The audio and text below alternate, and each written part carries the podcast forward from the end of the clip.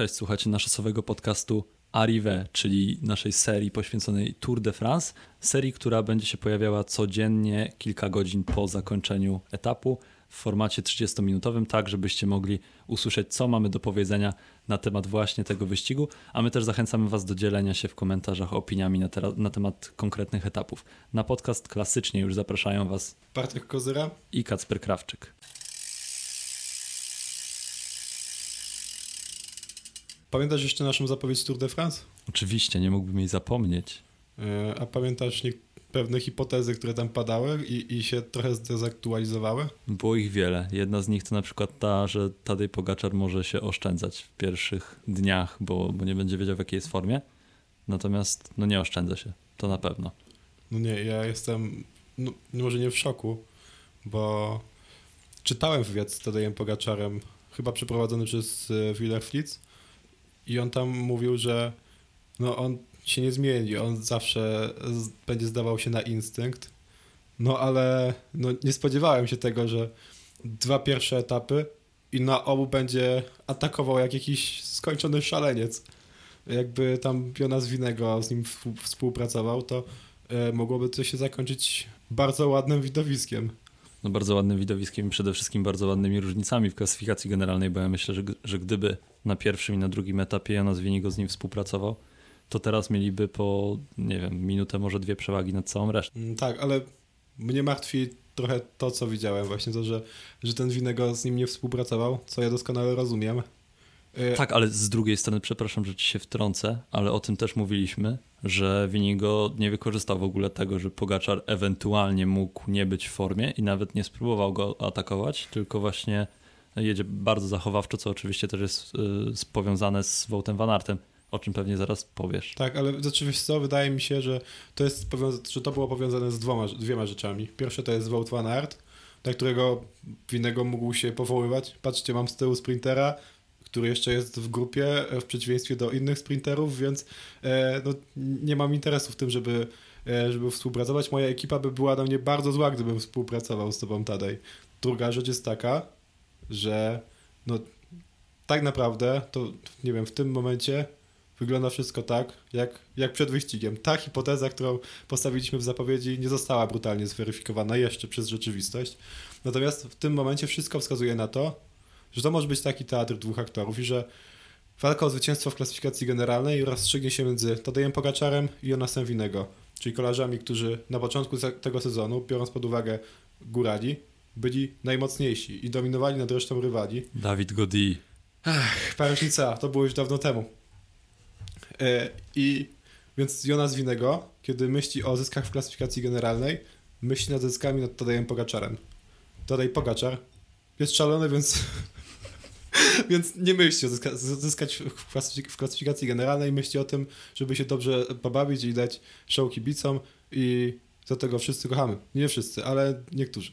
Ale na przykład Belgowie I... go nie kochają, do tego jeszcze zaraz tak, dojdziemy. Do tego dojdziemy, tak, dokładnie. A to jest tak. śmieszne, bo Belgowie nie kochają ani Pogaczara, ani Winigo po ostatnich wydarzeniach, ale to, tak. to jeszcze będzie w tak. naszym podcaście, jest w agendzie. Więc y, dlatego na razie scenariusz wyścigu wygląda tak, że Pogaczar atakuje wtedy, kiedy tylko się da, a Jonas Winnego y, nie, nie współpracuje z Pogaczarem, bo wie, bo widzi formę Pogaczara, która jest naprawdę niezła.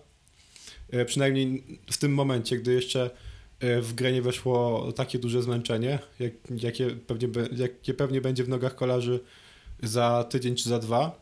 Więc no, nie zamierza pracować, woli, żeby Tadej Pogaczar się pomęczył, co może, co mogłoby, co, co może poskutkować na tych górskich etapach, bo tutaj nie było szans, żeby go zgubił, a jakby dojechali razem do mety, no to Tadej Pogaczar zarabia nad nim 4 sekundy. I dobrze, że o tym wspomniałeś, bo ja tu mam kontrę. Teraz Tadej Pogaczar zdobył 4 sekundy na pierwszym etapie, e, zdobył do tego 6 sekund na drugim etapie i 3 sekundy na drugim etapie różnicy na premii górskiej czyli łącznie, jak można dobrze policzyć, to jest 13 sekund. A gdyby Winigo z nim pojechał i zająłby, załóżmy, drugie miejsce, Tadej Pogaczar wygrywa sprint, to wtedy na pierwszym etapie Tadej Pogaczar zyskuje nad nim 4 sekundy, tak jak było, a na drugim też zyskuje 4 sekundy, a nie 6. Nie, no dobrze, ale jak mamy dwójkowy finish, to nie wiem, wydaje mi się, że w 9 na 10 przypadków wtedy Pogaczar wygra z Jonasem Winnego. No tak, ale Natomiast jeśli mamy... kalkulując te sekundy, wychodzi na to, że w teorii dwie sekundy mógłby Winigo zyskać nad e, Pogaczarem, gdyby rzeczywiście z nim odjechał. Więc moim zdaniem, zresztą moim zdaniem oni nie patrzą teraz tak bardzo na te sekundy bonifikaty, jeżeli chodzi o Jumbo Visma i, i ten obóz, bo widać, że stawiają na Wołta Van Arta na tych pierwszych etapach, ale to też tak... No. No ale też, e, no, ale też w grę wchodzi ten drugi argument, że Pogaczar, żeby, e, żeby zarobić te 4 sekundy, to musi zrobić e, kolejny wysiłek i, i Pogaczar ma dwa takie bardzo intensywne wysiłki, a Winego nie, bo utrzymuje się na kole Pogaczara, który no, za pierwszym razem, kiedy zaatakował, traci energię, później, kiedy finiszuje, też traci energię. Winego w obu przypadkach, w pierwszym przypadku y, męczy się dużo mniej, znaczy, No właśnie ja mniej, nie a wiem, czy tak dużo mniej, bo dużo, moim dużo zdaniem mniej. to jest, ta różnica jest marginalna na takich wspinaczkach. To nie jest tak, że Pogaczar skacze raz za razem i po prostu co chwilę próbuje go zgubić jakimiś głupimi skokami, tylko to jest raczej jedno przyspieszenie, potem patrzy, widzi go na kole. Na przykład tak jak wczoraj, czyli w niedzielę, no dzisiaj zresztą będziemy publikować w poniedziałek, więc to nie ma znaczenia, ale jak oderwali się na tej e, premii górskiej, gdzie były sekundy, no to Pogaczar później rzeczywiście jechał na czele, ale to była taka jazda na pół gwizdka, bo No tak, chwilę później ich dogonili, bo Pogaczar też nie chciał uciągnąć Duńczyka, który nie daje zmian, no bo to było bez sensu. I koniec końców mu się to przyspieszenie opłaciło, no bo zyskał 8 sekund w klasyfikacji generalnej, do, do winnego 9 chyba, nawet. Do winnego chyba... e, a nie, Znaczy osiem. łącz, y, przepraszam, pom- pomyliłem. 8 Okej. na premii górskiej, Tak. ale do Winigo 9, bo jeszcze z tymi sekundami na mecie. No to poprawił. tak, to łącznie tak, no w koniec końców e, to się opłaciło, ale mówiłem o tym ataku, o tym at- ataku e, na premii górskiej, No tak, że to- to w koniec końców też mu dało trochę. Winnego dostał 6 sekund, tam? Pięć. 5, okej, czyli z 3 sekundy. Tak, no generalnie to jest fajne rozwiązanie, które już było y, przez organizatorów stosowane, że właśnie umieszczanie tych sekund bonifikaty nie na premiach po płaskim, tylko na premiach pod górę, bo to rzeczywiście może zachęcać kolarzy do takich ataków i do otworzenia tego wyścigu nieco wcześniej. Natomiast no tutaj Jonas Winigo nie był jakoś skory do współpracy i do tego, żeby rzeczywiście to pociągnęło za sobą właśnie jakiś atak czy, czy fajną akcję faworytów. No ale i tak ten wyścig od początku dostarcza nam wielu emocji. Co prawda nie tyle co wyścig Solidarności Olimpijczyków, więc musicie się przygotować na to, że będę narzekał przez następne trzy tygodnie, że na Solidarce to była emocja, tutaj to płaski etap 40 na godzinę sobie jadą. Nie no jak Chłopaki. ja patrzę na to, co na tych etapach dotychczasowych zrobili Pogaczar i no, Pogaczar głównie co, co robi I, i nie wiem, mając nadzieję na to, że, że nie zapłaci za to, co, co zrobił, bo- też faktem jest to, że to nie był bardzo duży wysiłek, tylko po prostu być może e, być może po prostu wydał trochę więcej energii niż innego. Ale tak, tak. odrobinkę Odrobinę, więcej. tak, tak, tak. Że No bo może- też nie zapominajmy, że Pogaczar skacze, wiadomo, wini go, dojeżdża mu do koła, ale jednocześnie to też musiało go coś kosztować. To nie jest tak, No że tak, on po prostu trzyma go za siodełko No i, tak. No nie, jest, i cały nie, czas hamuje. nie ma w swoim kole magnesu. No nie, raczej nie. Natomiast no, fajnie ogólnie tak porównując to z pierwszym wielkim turem, czyli z Giro w tym roku, że ta trasa jest zaprojektowana w taki, a nie inny sposób i że ci organizatorzy Tour de France rzeczywiście szukają czegoś, żeby ją urozmaicić, a nie stawiają, że w pierwszym tygodniu zrobimy pięć etapów dla sprinterów. Wiem, że w Giro tak nie było, ale załóżmy. I dopiero te góry przyjdą na trzeci tydzień. Tylko ciekawe, bo od początku mamy walkę faworytów. Klasyfikacja generalna jest taka, że w zasadzie tam z, dobry, z drobnymi wyjątkami to te nazwiska by wy, inaczej. Te nazwiska, które są teraz w generalce, w czołówce, można by było się ich spodziewać w końcówce e, na 20 na przykład etapie, właśnie w tej samej czołówce klasyfikacji generalnej. Natomiast ciekawe, jak to będzie wyglądało właśnie w trzecim tygodniu, czy te emocje w, trzecim, w pierwszym tygodniu nie odbiją się brakie, ich brakiem właśnie pod koniec wyścigu. No ale do tego jeszcze jest dużo czasu, a na razie wyścig jest bardzo emocjonujący i bardzo fajne jest to, że faworyci od samego początku rzeczywiście walczą. Myślisz, że wśród, mówiłeś o tym, że ta klasyfikacja na koniec może wyglądać podobnie do tej obecnej? W sensie nazwiska się Aha. będą pokrywały mniej więcej, pozycje niekoniecznie, bo nie wierzę tak, w no to, tak, że Tak, tak.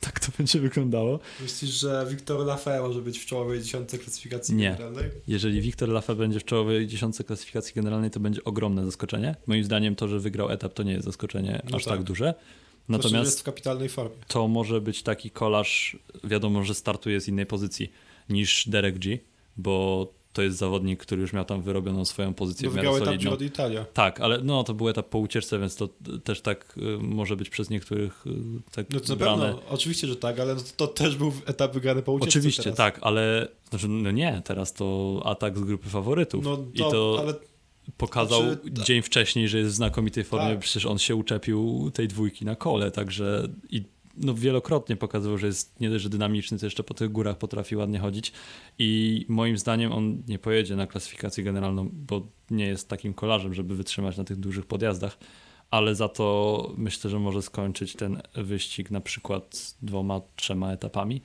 i to jest bardzo prawdopodobne, szczególnie, że tak jak mówiliśmy w zapowiedzi, do której cały czas Was y, odsyłamy i zachęcamy, że jeżeli tego jeszcze nie zrobiliście, to możecie ją posłuchać.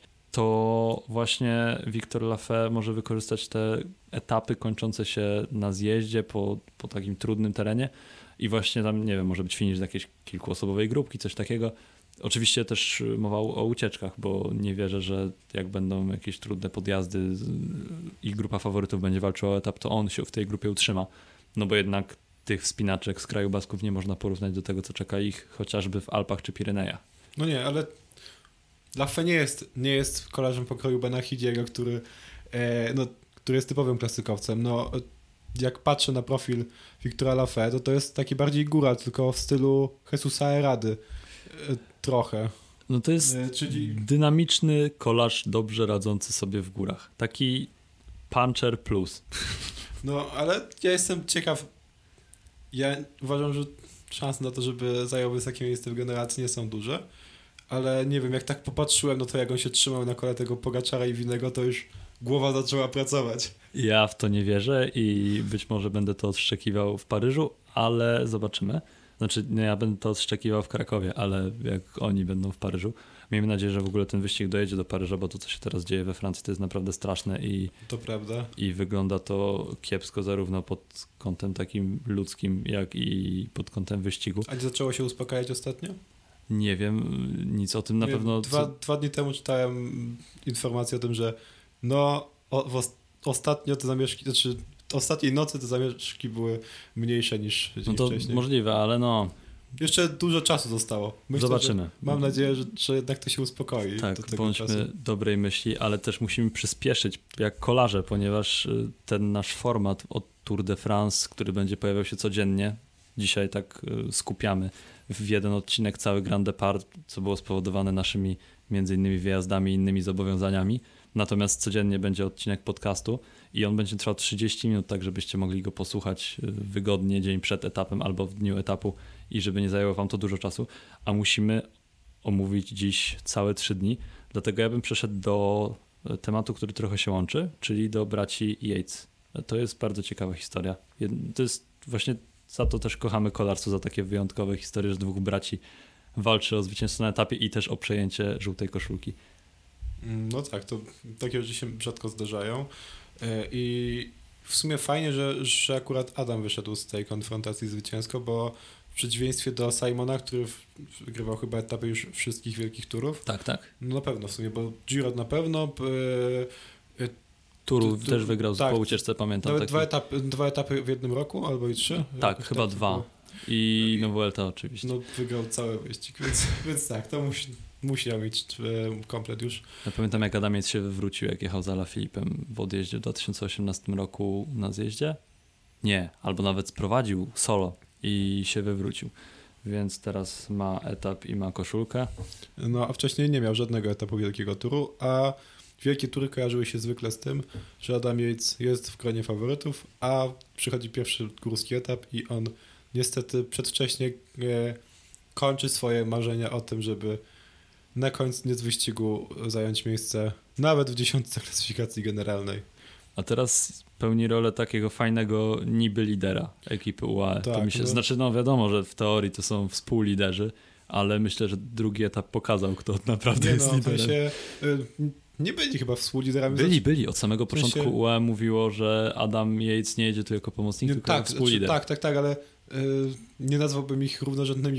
No nie, no absolutnie tak, nie. I też moim zdaniem. Bo też po prostu y, z tego co pamiętam, to narracja była taka, że Tadej jest tym kolarzem numer jeden, no ale jako, że cuda rzadko się zdarzają, chyba taki cytat dokładnie padł, to jest w odwodzie taki, taki jeden chłopak, Adamiec się nazywa, który w razie czego może zastąpić Tadeja. No i teraz, Ale wygląda na to, że nie będzie takiej potrzeby. teraz Tadej Pogaczar Chyba, ma Tadej luz, przeszarżował. e, więc w teorii on nie jest tym liderem, ale i tak musi dzierżyć białą koszulkę. Swoją drogą to jest chyba 54 etap z rzędu, kiedy Tadej Pogaczar, poza oczywiście pierwszym, kiedy nikt nie jedzie w koszulce, No tak. kiedy Tadej Pogaczar jechał w białym trykocie, bo przecież rok temu był najlepszym młodzieżowcem Na czasówce. na czasówce, No znaczy tak. nie młodzieżowcem, tylko U25 No tak. e, na czasówce, a wcześniej wygrał Tour de France, który przez cały, praktycznie no, przez drugą połowę wyścigu jechał właśnie w, w koszulce białej, już, bo Roglic jechał w, w żółtej. no to e, w sumie to chyba nie jest tak. Znaczy, 54 przepraszam, rzędu to... To chodzi o to, że ogólnie był właścicielem, nie że jechał. Mhm. E, znaczy tak, był liderem to, klasyfikacji a młodzieżowej. to nie, nie może być 54 etap z rzędu. Bo musiałby dwa, wyś, dwa wyś, całe dwa wyścigi przejechać w białej koszulce. No, I to się chyba nie udało. Nie, Czekaj. nie mógł od startu być liderem poprzedniego Tour... A może był? Kurczę. No, Widzę, że na pierwszym etapie Tour de France 2021 zajął e, szóste miejsce. No tak, był liderem. Ja nie mogę. On jest niemożliwy. no właśnie. Ale nie stracił jej gdzieś po drodze? Musiał. nie, to, to jest niemożliwe. E, Nie, nie stracił. No to rzeczywiście. No ja tak gdzieś mi to mignęło na Twitterze i tak, nie wiem, O, wow. 53, 2, 4, coś takiego. W każdym razie, no jest. Bo generalnie to, że Tadej Pogaczar zawsze ma białą koszulkę, o ja nie mogę. On... y, Co, co, czy on stracił w ogóle tą białą koszulkę e, po tym, jak... Po no tym, nie, jak, po tym jak ją przejął, to jak jej nie stracił. Ja nie mogę, ale, ale szalone. Dobra, musimy wrócić. W- dobrze. musimy wrócić. Nie wiem, czy o Jejc, Jejcach coś chcemy jeszcze powiedzieć, poza tym, że piękna historia. Natomiast fajne jest teraz to dla Tadeja Pogaczara, Szkoda, że że nie wjechali na metę jak e, Michał Kwiatkowski myślę, że to by się mogło spotkać z dużym niezadowoleniem ze strony kibiców i samych drużyn. No, pewnie tak. Znaczy, jedna drużyna byłaby pewnie zadowolona. No tak, jedna z. E, no, No ale Tak. e, było jak było, bardzo fajne rozpoczęcie Tour de France i też, e, no tak jak mówiłem wcześniej, to może być trochę tak, no ciekawie może to być rozegrane przez ekipę UAE, szczególnie na tym etapie na przejeżdżającym przez Col du Tourmalet, to jest chyba etap numer 6. Zobaczymy, czy tam Mhm. będą starali się, nie wiem, jakoś bronić tej koszulki, czy może Tadej Pogaczar raczej nie wygląda na takiego, który będzie pokazywał tam do tyłu, że on ma lidera z tyłu, tylko, tylko raczej będzie atakował. Ale teraz przejdźmy e, do pojedynku Jonas Wieningo versus Tadej Pogaczar od drugiej strony, czyli od strony Jumbo-Visma i tego, co się tam dzieje po wczorajszym etapie i drugim miejscu Wołta Van Aerta, który nie był zadowolony, nie rozmawiał z dziennikarzami, rzucił bidonem, najpierw uderzył w kierownicę, potem rzucił bidonem, potem Tadej Pogaczar naśladował go, jak ten rzucił bidonem, co też zostało negatywnie odebrane przez belgijskie media, które pisały, między innymi Sporca, że zachowuje się jak dziecko. Tam Nie, no, belgijscy ludzie. kibice go wyzywali, ale mi się to bardzo podoba i, i brakuje takiego kolorytu i Tak. takich gierek w kolarstwie. Natomiast też y, śmieszne było to, że belgijscy kibice wyzywali również Jona Sawiniko za to, że nie dał zmiany i pod jednym artykułem pojawiały się komentarze, że teraz życzą Pogaczarowi, żeby wygrał, a pod drugim, że teraz życzą, żeby Pogaczar przegrał, więc To- to chyba stanie na tym, że Dawid Gody jest ich faworytem. tak, e, albo ktoś, o kim jeszcze będziemy rozmawiać. Dylan Thames. Albo Thibaut Pinot. Nie, on nie. Ale no jak się zapatrujesz na sytuację w Jumbo Visma i czy sądzisz, że będzie tam zgoda i zgodna współpraca? E, Wydaje mi się, w zeszłym roku Visma ta, ta atmosfera też nie była chyba najlepsza, e, co pokazał ten serial o Tour de France. A mimo to Wout van Aert jako pomocnik spisywał się wzorowo, więc liczę na to, że... No wzorowo poza tym etapem, który wygrał, a nie No pomógł dobrze, ale- Jonasowi.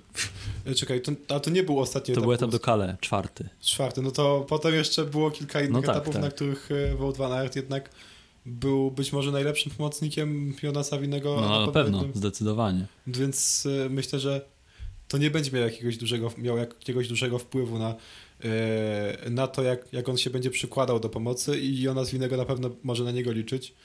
Ja tak szczerze mówiąc, jeśli Wout, Wout van Aert ma jakieś pretensje do, Jonasa Winego za to, jak on się zachowywał na, na tym etapie ostatnim, to ja ich szczerze mówiąc nie do końca rozumiem. Bo... Ja trochę rozumiem. W sensie moim zdaniem fajnie by było, jakby Jonas Winigo rzeczywiście dał te zmiany 300 metrów czy tam 400, bo to by nie kosztowało go aż tak dużo, nie straciłby nic więcej niż stracił, a no dobra, przepraszam, straciłby dwie sekundy do Tadeja Pogaczara. Sorry. Ale, ale miałby przynajmniej święty spokój i dobrą atmosferę w ekipie, bo Wout byłby szczęśliwy, że wygrał etap, że pomógł Jonasowi, pewnie też by był bardziej chętny do pomocy później w, w kolejnych częściach wyścigu.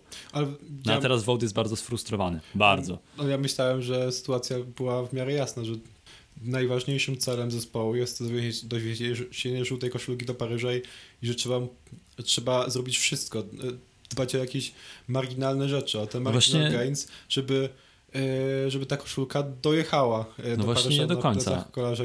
W sensie tak by się wydawało logicznie, natomiast to, co pokazały nam te pierwsze dwa etapy i Jonasa nie współpracującego z Tadejem, to poddaje wątpliwość to, czy oni tylko celują w żółtą koszulkę, no bo ewidentnie sam Jonas mówił, że no, pomógł Wołtowi, nie dając zmian Tadejowi Pogaczarowi. No I no ja tak szczerze mówiąc Tylko, to... że właśnie problem polega na tym, że e, no wiesz, dla, dla rozwoju sytuacji w klasyfikacji generalnej, to czy Jonas Winego dojedzie w e, dużej grupie z Tadejem Pogaczarem, czy w małej grupie z Tadejem Pogaczarem, ma marginalne znaczenie. Właściwie to nie ma żadnego. Znaczy dla mnie ma, wydaje mi się, że nie można lekceważyć całej reszty zawodników, bo też oni, myśl, i myślę, że oni z respektem podchodzą do rywali i to nie jest tak, że to jest wyścig między Jonasem a Tadejem, tylko że no, cały czas z tyłu są kolarze, którzy są mocni. I fajnie by było nad nimi nadrobić czas, jak na przykład, nie wiem, Jai Hindley, jeden z najlepszych kolarzy na świecie na wielkie tury. I nie można tak z góry powiedzieć, że no oni już wygrali wyścig, więc oni się tam pobawią, powalczą o pierwsze miejsce, coś zyskają, coś nie, ale nikt inny nie będzie w stanie do nich dojechać. I, i moim zdaniem to jest zmarnowana szansa, te pierwsze dwa etapy dla Jumbowizma i no dla Tadeja Pogaczara też, ale on nic nie mógł więcej zrobić. Natomiast dziwię się, że już marnując te szanse i być może stawiając rzeczywiście na zwycięstwo Wołta Van Aerta, on mu nie pomógł w końcówce i, i rzeczywiście nie pociągnął, żeby, żeby to zwycięstwo się zmaterializowało. Także to było dla mnie bardzo dziwne. No a teraz jeszcze dochodzi trzeci etap do tego, gdzie Wout odpuszcza sprint, bo zostaje trochę przymknięty przez Jaspera Philipsena, więc to na pewno nie, pot- nie poprawiło atmosfery i samopoczucia Wouta.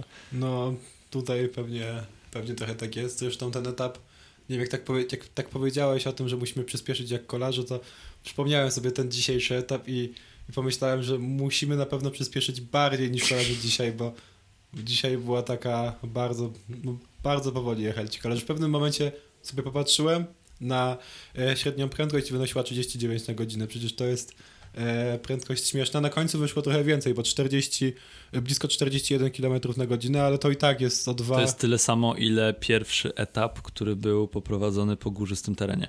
No tak. Więc to pok- znaczy no też nie ma się co dziwić, bo kurczę płaski etap Znaczy nie nawet, niczego, nawet, żadnej... nawet wolniej. Nawet wolniej. No, no widzisz. E, O pół no, ale na jest, godzinę. jest płaski etap, nie ma żadnego wiatru, nie ma żadnego interesu w tym, żeby w ogóle co, cokolwiek tu robić. Znaczy też nie do końca płaski, bo tam na początku były podjazdy, ale nikt nie zdecydował się na ich wykorzystanie, żeby tam podmęczyć kogoś. No i no taki typowy płaski etap, gdzie nic się nie wydarzyło poza tym, że wygrał Jasper Philipsen i że był rzeczywiście finish. E, No i że Wiktor Lafay skoczył po punkty na premii i potem nie wiedział co zrobić, bo jechał sobie spokojnie, a cały czas naprawiał czas nad peletonem. Ale powinni wziąć przykład z Solidarki moim zdaniem. Moim zdaniem tam e, powinni zostać wysłani skauci turowi i też dyrektorzy sportowi i tam się uczyć kolarstwa. Alpesin to zrobił. Alpesin wysłał całą ekipę development, żeby uczyć się kolarstwa, uczyć się jazdy na płaskich, sprinterskich etapach. To oczywiście zaprocentowało, bo po pięciu dniach w końcu Alpesin wygrał etap, po czterech. Alpesin wygrał etap Marcelim Bogusławskim, ale myślę, że ta wiedza została też przekazana do World Tourowej formacji ścigającej się właśnie w kraju Basków.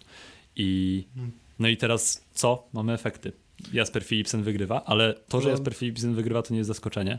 I to, że był świetnie rozprowadzony, to w sumie też nie jest zaskoczenie, On ale nie powinien wygrać tego etapu, bo blokował Wołta Van Aerta. Zmienił tor jazdy. moim zdaniem to była bardzo delikatna zmiana toru. Później była drastyczna, ale wtedy już Wołta nie było, więc myślę, że nie można tego klasyfikować jako zmianę toru jazdy, kiedy nie ma za nim przeciwnika, który odpuścił, bo było, mogło dojść do niebezpiecznej ale sytuacji. ogóle, a czy on to w ogóle widział? Nie sądzę, że to widział, ale to nie ma znaczenia, bo nie było tam Wołta. W sensie, ale a wiesz dokładnie, jak, jak dokład, co dokładnie mówią przepisy na ten temat? Czy to jest zmiana toru jazdy w momencie, kiedy zawodnik jest y, obok ciebie? to Czy... jest najbardziej subiektywny przepis w kolarstwie i tam to jest jak w hokeju, po prostu każdy może widzieć 50 różnych rzeczy, znaczy no wiadomo, że czasem są jasne, ale teraz było tak 50 na 50 i moim zdaniem tutaj można by było, tak Oskar Sosak, zresztą nasz redakcyjny kolega pisał, że można by było obronić zarówno jedną, jak i drugą decyzję i, i myślę, że tutaj nie dojdziemy do żadnego jakiegoś istotnego wniosku w tej dyskusji. Ja uważam, że dobrze, że podjęto taką decyzję, ponieważ ja mam Jaspera Philipsena w grze fantazy i było mi, byłoby mi bardzo przykro, gdyby został relegowany, ale też wydaje mi się, że ta sytuacja wygląda gorzej z tego powodu, że tam były te pasy i, i droga nie była poprowadzona równolegle z pasami, tylko po łuku. I to się wydawało tak, jakby Jasper Philipsen zmienił ten tor bardziej w tym momencie, kiedy jeszcze No tak. jechał koło niego, niż rzeczywiście to miało miejsce. Ale no nie wiem, chcesz coś Już dodać nie wiem, czy, czy nie popełnił błędu, bo no, jak powin, prawdopodobnie nie wiedział, jak wygląda finish i mimo to ustawił się w taki sposób, że, e, że Jasper Philipsen nawet minimalnie zmieniając tor jazdy już, e, już wytrącił go trochę z rytmu. No tak, no, znaczy też ciężko jest mi oceniać, bo ja nie wiem, nigdy się nie ścigałem, jak to wygląda, ale no przy barierkach to nie jest najlepsze miejsce na finiszowanie, Raczej nie. bo zawsze można się liczyć z tym, że ktoś cię zamknie i wtedy no, nie ma miejsca na ucieczkę, można zrobić albo to, co zrobił, nie wiem kto to zrobił, czy Dylan Hrenewegen zamknął Fabio Jakobsena, czy się wcisnął w dziurę, której nie było, bo już nie pamiętam. Ale kiedy? Na, w Katowicach, na Tour de Pologne. Oho, nie pamiętam. W każdym razie można albo wcisnąć się w dziurę, której nie ma, albo można zostać przymkniętym i tak jak chyba- Volt wydaje zrezygnować z sprintu. Wydaje mi się, że zamykał. Wydaje mi się, że zamykał Fabio Aha, Jakobsena. no to przepraszam w takim razie. To co innego, jakiś inny przykład trzeba by było znać, ale nie ma teraz na to czasu. prawda? Natomiast chciałbym powiedzieć jeszcze na temat tego finiszu. Znakomite po prostu rozprowadzenie ekipy Alpecin Deceuninck. To prawda, kapitalne. I Wout chciał z tego skorzystać. Tak, Nie udało się. cały czas siedział na kole Philipsena, ale też fajne było to, że ten Alpecin był w ogóle niewidoczny w ostatnich, na ostatnich kilometrach. Ci kolarze byli tak rozproszeni, jechali w czołówce, ale nie na czele. I potem mamy La Flamme Rouge, czyli ten trójkącik taki oznaczający kilometr do mety. I nagle wychodzi trzech. Ramon Sinkeldam, za nim Mathieu van der Poel i Jasper Philipsen.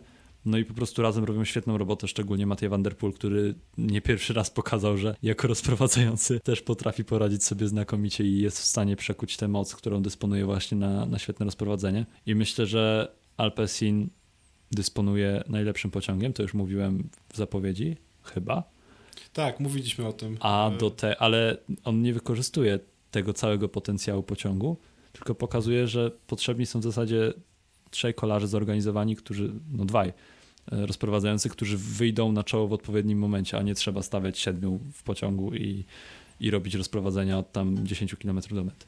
Nie, zdecydowanie się zgadzam. Teraz e, sobie poszukałem tego, co Wout van Aert uważał na temat tego finiszu i on jakoś, jakoś szczególnie nie narzekał, ale też ta jego wypowiedź była taka trochę dwuznaczna, e, bo powiedział coś w tym stylu, że e, właściwie opisał to, co się tam wydarzyło i powiedział, że zakłada, że sędziowie dokładnie przeanalizowali e, te, te zdjęcia z finiszu i te, i te nagrania i że podjęli dobrą decyzję, ale też nie mówił niczego w tym stylu, że niczego nie mówił podobnego, co na przykład Fe- Fernando Gaviria po tym, jak, jak został ogłoszony zwycięzcą etapu Giro d'Italia po wykluczeniu Eli Vivianiego, że, że sprinty generalnie rządzą się takimi prawami, że czasami, e, czy czasami jest ostro i jest kontakt. No, czegoś, takiego, czegoś takiego nie było, e, ale no nie wiem, wydaje mi się, że, e, że skoro Wout van Aert nie widzi problemu, to my też może nie musimy widzieć. No tak, ja